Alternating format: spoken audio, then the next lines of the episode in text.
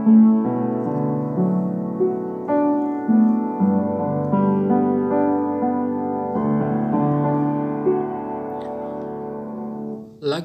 Oh Holy Night mengawali episode 15 musik narasi Natal menyambut tahun baru. Selamat bertemu kembali di JM Sakras Insight podcast yang bersama-sama untuk membahas tentang makna Natal terkait dengan kehidupan kita sehari-hari di sepanjang tahun ini dan kemudian menghadapi untuk tahun depan. Lagu Oh Holy Night ini merupakan lagu evergreen, lagu yang tidak lekat dimakan masa, di mana dengan pesan dan konteks yang menggambarkan kejadian lahirnya Yesus Kristus dengan konteks yang yang relevan sampai saat ini, bagaimana kita bisa lihat dari melodinya dan juga dari kata-katanya. Dan ya menariknya sih kalau kita lihat bagaimana cerita kehadiran uh, Yesus Kristus yang lahir di kandang domba dengan disambut oleh orang Majus yang berjalan sekitar seribuan kilometer membawa persembahan uh, dan juga di di kandang domba bertemu bersama-sama merayakan kelahiran Yesus Kristus dengan gembala dengan kehidupan yang sederhana. Jadi konteks yang dimaksud dalam gambaran yang kita bisa nikmati dari lagu ini baik dari sisi melodi ataupun dari kuatnya kata-kata terliriknya di mana keberadaan kelahiran Yesus di palungan di kandang domba yang mempersatukan beberapa atau segala kalangan di mana kadang kita dalam kehidupan ini kita terpisahkan karena status sosial, status kekayaan, status pangkat dan jabatan dan sebagainya. Tetapi di gambaran kehadiran orang majus, kehadiran gembala yang bersama-sama merayakan hadirnya atau kelahiran Yesus Kristus di kandang domba Palungan ini menjadi pesan yang yang inspiratif bagi kita untuk bahwa kehidupan kita hendaknya kita juga harus bisa menjadi jembatan antara golongan ataupun grup ataupun apa pun yang sebelumnya nggak bisa berkomunikasi ataupun nggak bisa dipisahkan oleh status tadi jabatan pangkat yang atau strata yang membuat pola komunikasi pola kehidupan untuk bersama-sama tidak bisa. Tetapi dengan keberadaan kita melalui teladan Natal tadi itu kita bisa belajar untuk menjadi jembatan. Atau kalau biasa dulu saya pernah lihat di film itu ada falsafahnya bahwa sang tokoh itu pengen ingin menjadi lem yang merekatkan antara dua uh, dua bagian yang sebelumnya nggak bisa disatukan atau nggak bisa didekatkan. Jadi itu salah satu poin dari uh, lagu Oh Holy Night. Nah, saya mau kasih lihat bahwa lagu ini memberi apa ya memberi kata-katanya dan melodinya itu memberi gambaran bagaimana kehadiran bukan hanya orang majus, kehadiran gembala, tetapi juga kehadiran alam semesta. Di mana kalau kita baca di Alkitab, bahwa orang majus itu mendapatkan guide ataupun petunjuk melalui bintang-bintang yang bersinar menuju ke arah tempat di mana Yesus dilahirkan. Jadi kalau di kata-kata ini di pas di kalimat pertama holy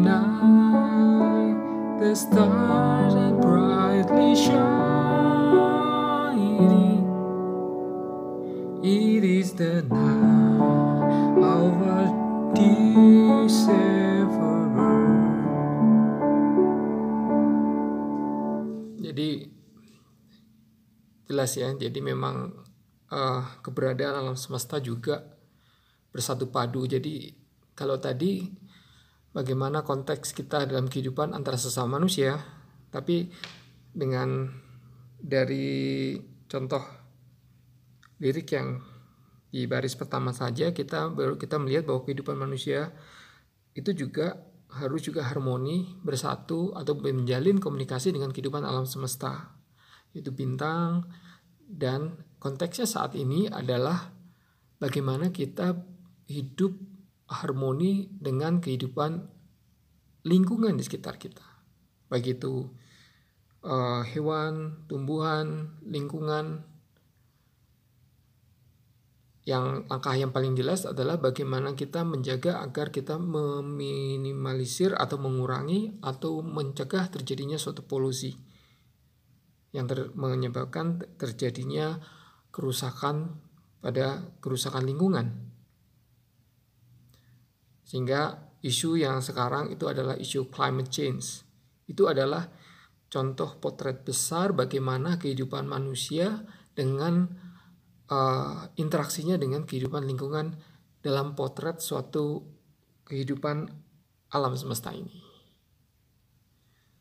Nah, itu gambaran sisi lain dari lagu Oh Holy Night. Nah, kalau kita bicara tentang Natal, kita bicara tentang kadang kita fokus Natal di bulan Desember atau di tanggal 25 Desember baru ngucapin selamat dan sebagainya. Atau selama Desember sudah ada euforia perayaan uh, nuansa Natal. Mulai dari hiasan berwarna merah, hijau, terus kemudian kostum merah dan putih atau Santa Claus dan sebagainya. Itu yang sebetulnya konteksnya adalah konteks bagaimana manusia dengan latar belakang budayanya untuk me menyambut Natal dalam bentuk perayaan terkait dengan keberadaan lingkungan atau sosial atau budayanya. Dalam hal ini kalau kita bicara budaya barat. Jadi ada Sinterklas, ada pohon terang, di mana pohon terang ada ada apa namanya uh, salju. Nah sebetulnya ini sama sekali bukan pernak-pernik atau, atau bukan atribut keagamaan. Ini merupakan bagaimana cara orang di Eropa menyambut Natal dengan gaya uh, perayaan mereka. Itu yang perlu mungkin ini pesan universal juga bagi teman-teman yang lain untuk bahwa dalam perayaan Natal itu adalah perayaan uh, kalau kita lihat ada kostum dan semuanya kostum dan semuanya itu adalah perayaan dalam arti yang lebih universal bagaimana masyarakat budaya lokal kehidupan sosial masing-masing mempunyai konteks dalam merayakan Natal. Namun terkait dengan globalisasi akhirnya sepertinya itu menjadi suatu atribut Natal dalam konteks kalau uh, tidak hati-hati orang memandangnya itu konteks dalam konteks keagamaan. Padahal itu sebetulnya bukan. Itu poin yang lain. Kalau poin satu hal yang mengingatkan Natal atau fokus Natal yang di bulan Desember atau bulan tanggal 25 Desember itu sebetulnya sesuatu yang harus kita juga cermati. Bahwa momen Natal itu sebetulnya pada hakikatnya adalah momen untuk menjadi uh, menginterpretasi interpretasi kita bahwa keberadaan juru selamat Yesus datang ke dunia untuk memberi keselamatan yang artinya juga dampaknya itu berkatnya itu juga secara horizontal dalam keberadaan kita dalam kehidupan sehari-hari. Itu juga yang harus kita pikirkan. Jadi dalam hal ini bukan uh, bagaimana dampak kita itu atau Natal itu hanya pada masa bulan Desember atau tanggal 25 tukar kado, beri kado atau beri santunan atas uh, dalam rangka Natal dan sebagainya.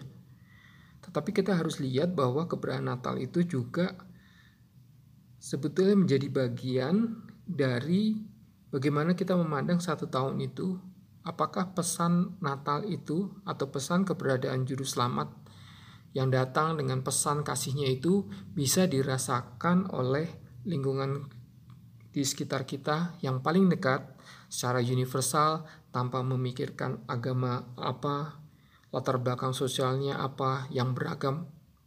Tanpa memikirkan itu karena inti kasih adalah inti kasih itu adalah hati yang tulus tanpa ada embel-embel apakah harus karena itu atau prasyarat prasyarat ini sehingga kita memberikan timbal balik perbuatan baik. Sebetulnya bukan itu kasih.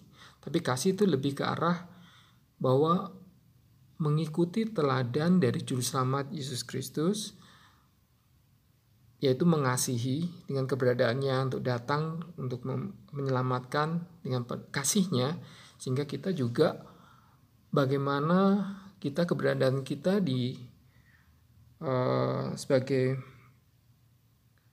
orang yang merayakan Natal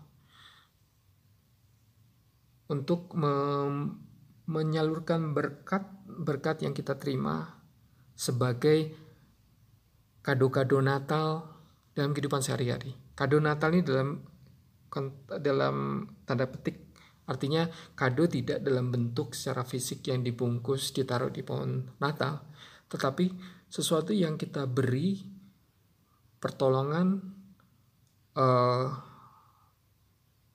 senyuman yang tulus, perhatian, uluran tangan yang siap untuk membantu, pencerahan, inspirasi, dan sebagainya. Banyak, banyak yang kita bisa lakukan dan harus dimulai dengan kasih. Untuk kita punya kasih adalah bagaimana kita juga belajar untuk mengikuti teladan Yesus Kristus sebagai juru selamat pemberi kasih dan juga kita me menyiapkan hati kita juga tulus. Jadi uh, sehingga nanti nanti ada lagu cuma dua kalimat yang pernah saya dengar 20 tahun lalu. Uh, ini terkait dengan bagaimana eksistensi Natal itu dikembalikan pada hakikatnya yang paling mendasar ya bahwa Natal itu Natal yang kita harus mulai dari hati karena dari hati itu nanti kita akan terpancar uh, atau menggerakkan uh, pemikiran kita akan menggerakkan apa yang nanti akan kita ucapkan apa yang menjadi tindakan kita. Itu yang yang menjadi titik tolak dari Natal. Dalam artian bagaimana kita dalam uh, momen-momen Natal kita selama sepanjang tahun dan melakukan refleksi bagaimana kita menjadi berkat bagi kehidupan masyarakat di kehidupan kita sehari-hari yang paling dekat. Itu sebetulnya yang yang menjadi esensi Natal sebagai kado Natal. Dan nanti akan ada beberapa poin lagi. Jadi kita akan simak lagu yang kedua. Lagu yang terkait bagaimana Natal ditempatkan pada porsinya yang yang semestinya.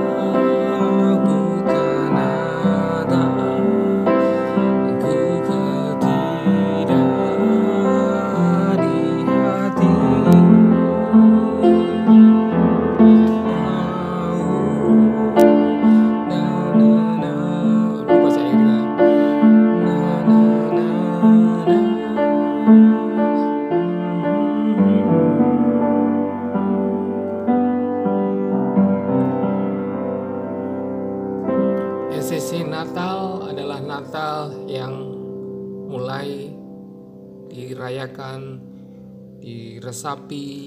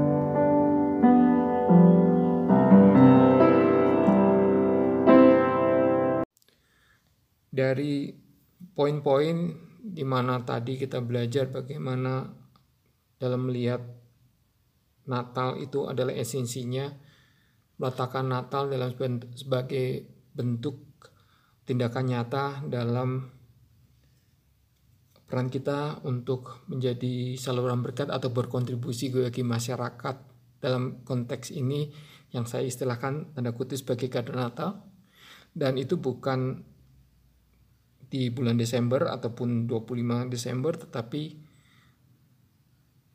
selama setahun dan Natal itu merupakan refleksi untuk kita melihat sejauh mana sih kita melakukan peran-peran itu dan ini juga tentunya pas sebagai bentuk ucapan syukur atas berkat yang kita terima. Dan kalau ada yang menanyakan, loh kalau pada saat ini uh, dalam kehidupan yang masih menghadapi tantangan problem yang mungkin tidak seberuntung orang yang mempunyai berkat yang melimpah sehingga bisa menjadi saluran berkat, bisa menjadi memberi kontribusi ke masyarakat dengan signifikan, ya lakukan apa yang kita bisa lakukan. Seperti tadi, misalkan memberi perhatian, memberi senyuman yang tulus, uh, tanggap membantu dalam hal-hal ini mulai dari yang kecil.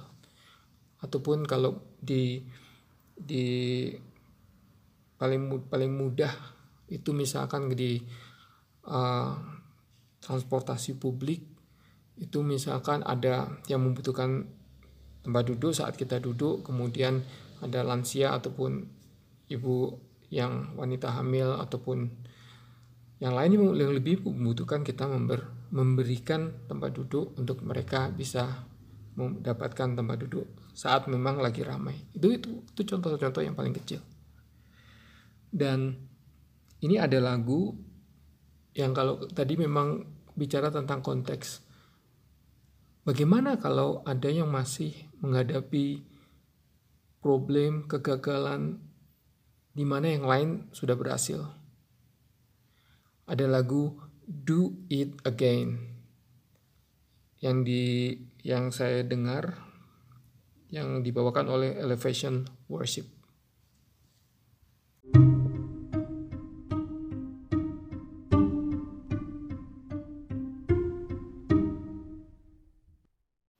Di liriknya untuk Do It Again ini ada beberapa kalimat ada kalimat dengan penggunaan kiasan dan juga ada konteks-konteks yang disesuaikan dengan kisah-kisah yang memberi inspirasi. Jadi yang kayak pertama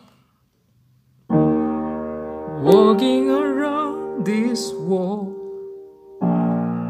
Ada by no devil itu uh, walking around these walls itu sebetulnya kiasannya memang seperti orang yang menghadapi permasalahan seakan membentur tembok yang sama yang jadi penghalang. Tapi kalau kita lihat konteksnya dengan pengalaman atau kisah yang ada di Alkitab, kita bisa baca bahwa bagaimana umat pilihan Tuhan itu uh, diuji untuk mengikuti atau setia bersandar penuh pada perintah Tuhan untuk mengelilingi tembok Jericho dengan beriman. Karena Tuhan mengatakan kelilingi tembok Jericho meskipun tanpa alat untuk berperang ataupun uh, berhadapan dengan musuh namun tetap beriman setiap hari mengelilingi tembok Jericho memuji nama Tuhan dengan lagu puji-pujian setiap hari selama tujuh hari berturut-turut. Dan pada uh, ini bisa kita lihat di Alkitab kitab Yosua pasal 6 dan kitab Yosua pasal 6 ayat yang ke-20 pada hari ketujuh tembok Yeriko runtuh. Jadi ini kisah yang menggambarkan bahwa Kadang kita tidak punya apa-apa, tetapi dengan beriman penuh pada Tuhan yang kita percayai sumber kekuatan kita, kita melangkah untuk mengikuti apa yang menjadi perintah, apa yang menjadi petunjuknya, itu dengan beriman pada akhirnya Tuhan menunjukkan uh, kuasanya lewat cara-cara yang kadang-kadang tidak kita duga. Kadang kita menyerah di awal, di tengah, ataupun sebelum pada akhirnya. Dengan beriman kita belajar untuk setia. Itu sih di di uh, kalimat itu dan kemudian di bagian bridge-nya kita akan melihat kata-kata pas di sini ya.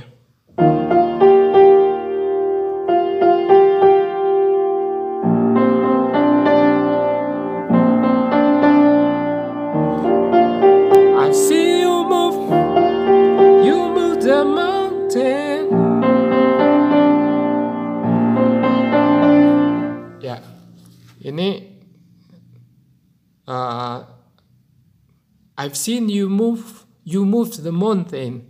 Ini konteksnya uh, telah melihat apa yang Tuhan lakukan, yaitu meng, uh, menggerakkan mujizat.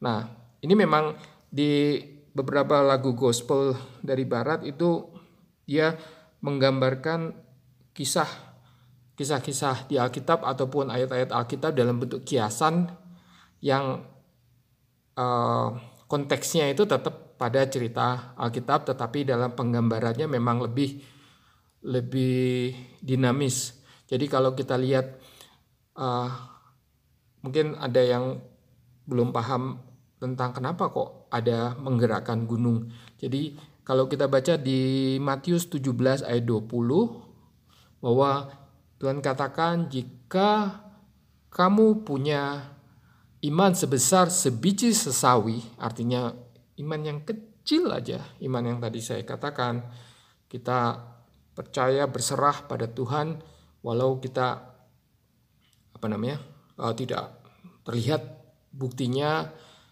artinya bahwa hasilnya itu langsung instan dan sebagainya. Tapi kita beriman seperti kata Tuhan beriman sebesar biji sesawi kita kamu akan bisa dapat melakukan Tuhan katakan dapat melakukan perkara-perkara atau hal-hal memindahkan gunung sekalipun. Ini kiasan, artinya mujizat yang besar pun akan terjadi. Itu jadi kita ulang lagi ya. Jadi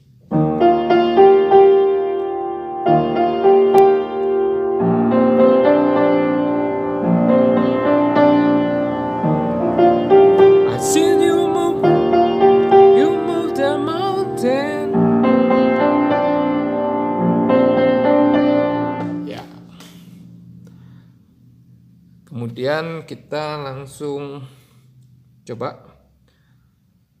Langsung satu lagu penuh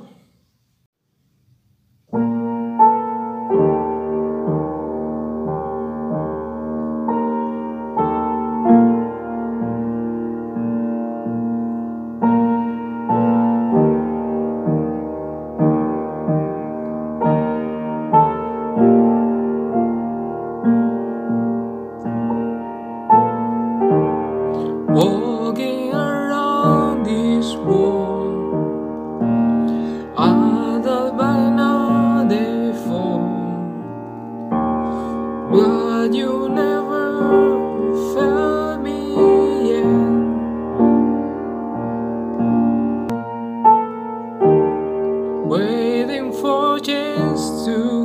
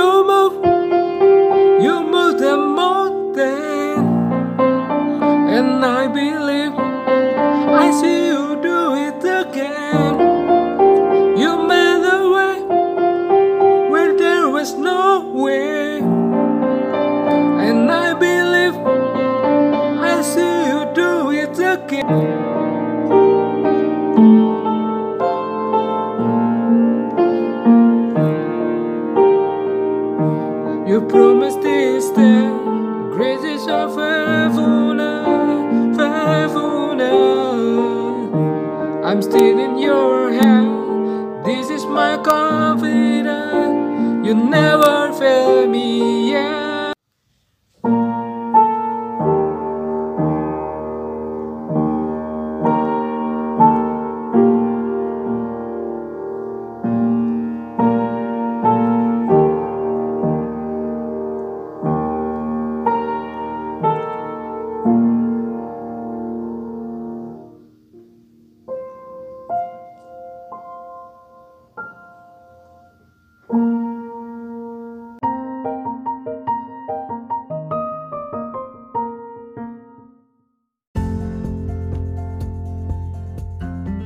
kasih telah menyimak podcast James Sakaris Insight kali ini. Kiranya hadirkan inspirasi untuk hidup kita lebih baik.